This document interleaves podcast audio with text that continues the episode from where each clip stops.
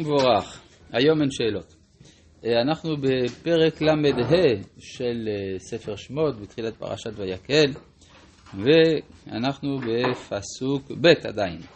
ששת ימים תעשה מלאכה, וביום השבעי יהיה לכם קודש, שבת שבתון לשם, כל העושה בו מלאכה יומת. אז כיוון שההקשר הוא בניין המקדש, המשכן, אז הדבר אומר שלמרות שיש מצווה גדולה לבנות את המשכן, צריך לשמור את השבת. מזה אנחנו לומדים שהמלאכות הנדרשות לבניין המשכן הן הן המלאכות האסורות בשבת. שהרי התורה לא פירטה מה היא מלאכה.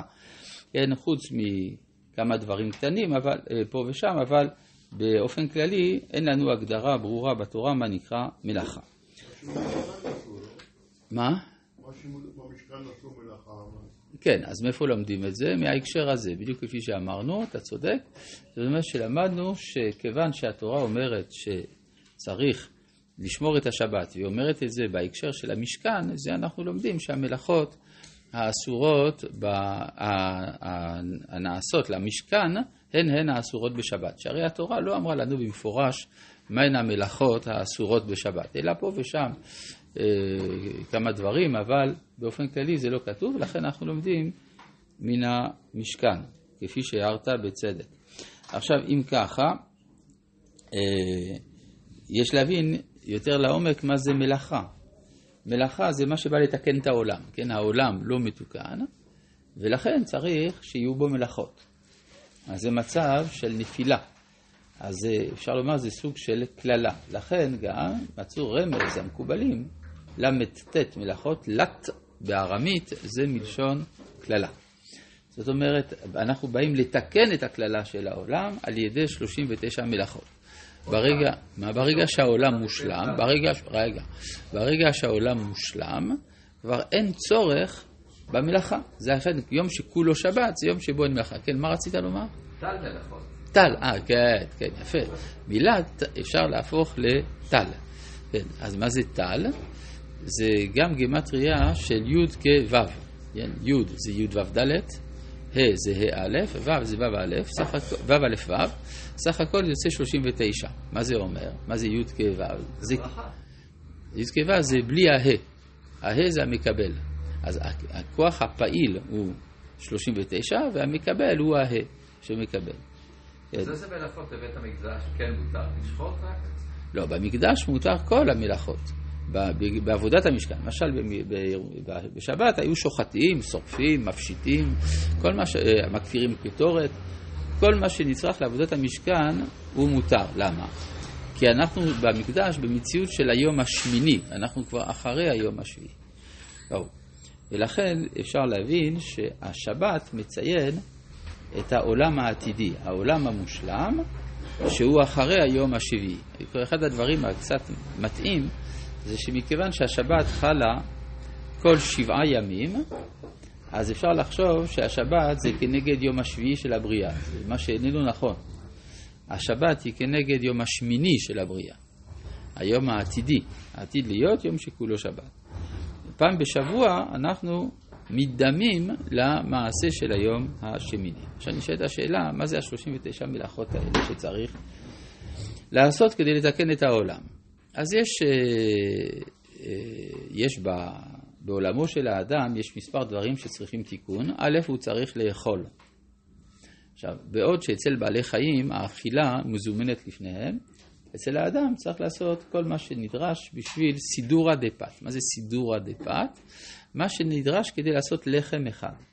אם תעשו חשבון, ב-39 המלאכות המובאות במשנה, צריך 11, 11 מלאכות בשביל לעשות חתיכת לחם אחת. 11 מלאכות. מה עם אה, בגד? אדם זקוק גם לבגדים, זה פחות חשוב. כלומר, אם אדם אין לו בגדים, הוא יכול לחיות יותר זמן מאשר אדם שאין לו לחם. זאת אומרת, יש שכבה נוספת, שגם היא מורכבת מ-11 מלאכות. יש 11 מלאכות, כיצד עושים חתיכת בד אחד. אבל יש לאדם צורך גם בנעליים, והנעליים דורשות משהו יותר קשה, בגד מעור, ולכן יש לנו עוד שבע מלאכות הנדרשות בשביל לעשות בגד אור אחד. כן, הצד צבי, השוחטו וכולי. ואז אה, אם יש לנו כבר 11 ועוד 11 ועוד 7, איזה 9? זה לא מתאים, איפה ה-39? אבל רק רגע. כמה אותיות יש בעברית? 22. 22 ועוד שבעה שיש בהם דגש קל, בגד כפורת. כאן בספר יצירה, בניגוד לעברית המודרנית שבה יש לנו רק שש אותיות עם דגש קל, בגד כפת, בספר יצירה זה בגד כפורת. היו שני אופני ביטוי הרש בימי קדם, ואז יוצא שיש לנו 22 ועוד 7, זה 29. כלומר, זה כנגד 29 אותיות שבהם הקדוש ברוך הוא ברא את עולמו. אבל הקדוש ברוך הוא, לפי ספר יצירה, ברא את עולמו לא רק באותיות, אלא גם במספרים. מה שנקרא עשר ספירות, בספר יצירה הכוונה מספרים. זאת אומרת שיש לנו הבחנה בין העולם האיכותי של, של האדם לבין העולם הכמותי. אז האיכותי, שהוא הדיבור, דורש את שתי המלאכות של לחם לאכול ובגד ללבוש. אבל יש גם המבנה הכמותי של, של העולם, וזה בעוד עשר מלאכות. מדוע עשר מלאכות? פשוט מאוד. הקדמונים היו מחלקים את העולם הפיזי לארבע יסודות, נכון? אש, מים, רוח ועפר. וכל פעולה שנעשית באחד מארבע יסודות היא פעולה כמותית. אש, אפשר, המבעיר, אבל המכבה. כן? הכותב והמוחק זה ביסוד המים. הקושר והמתיר זה ביסוד הרוח, והבונה והסותר זה ביסוד העפר. אז יש לנו כמה עכשיו? עוד שמונה, אבל זה לא טוב. אנחנו צריכים, אז הגענו ל-37, מה עם עוד שניים? יש מאין ועין מיש. יש מאין זה מה שנקרא מכה בפטיש. זאת אומרת, אנחנו, הפעולה שגומרת את המעשה, הנקראת מכה בפטיש, היא ההוצאה מן העין אל היש. לפני שנעשתה הרכה בפטיש, הכלי עוד לא מוכן. ומה עם אה, מאין ליש? מיש לעין, סליחה, זה יש מאין. עכשיו, מיש לעין, כלומר עין מיש, זה הפעולה של הוצאה מרשות לרשות. הוצאה מרשות לרשות, דבר שהיה פה, עכשיו הוא לא פה, הוא במקום אחר.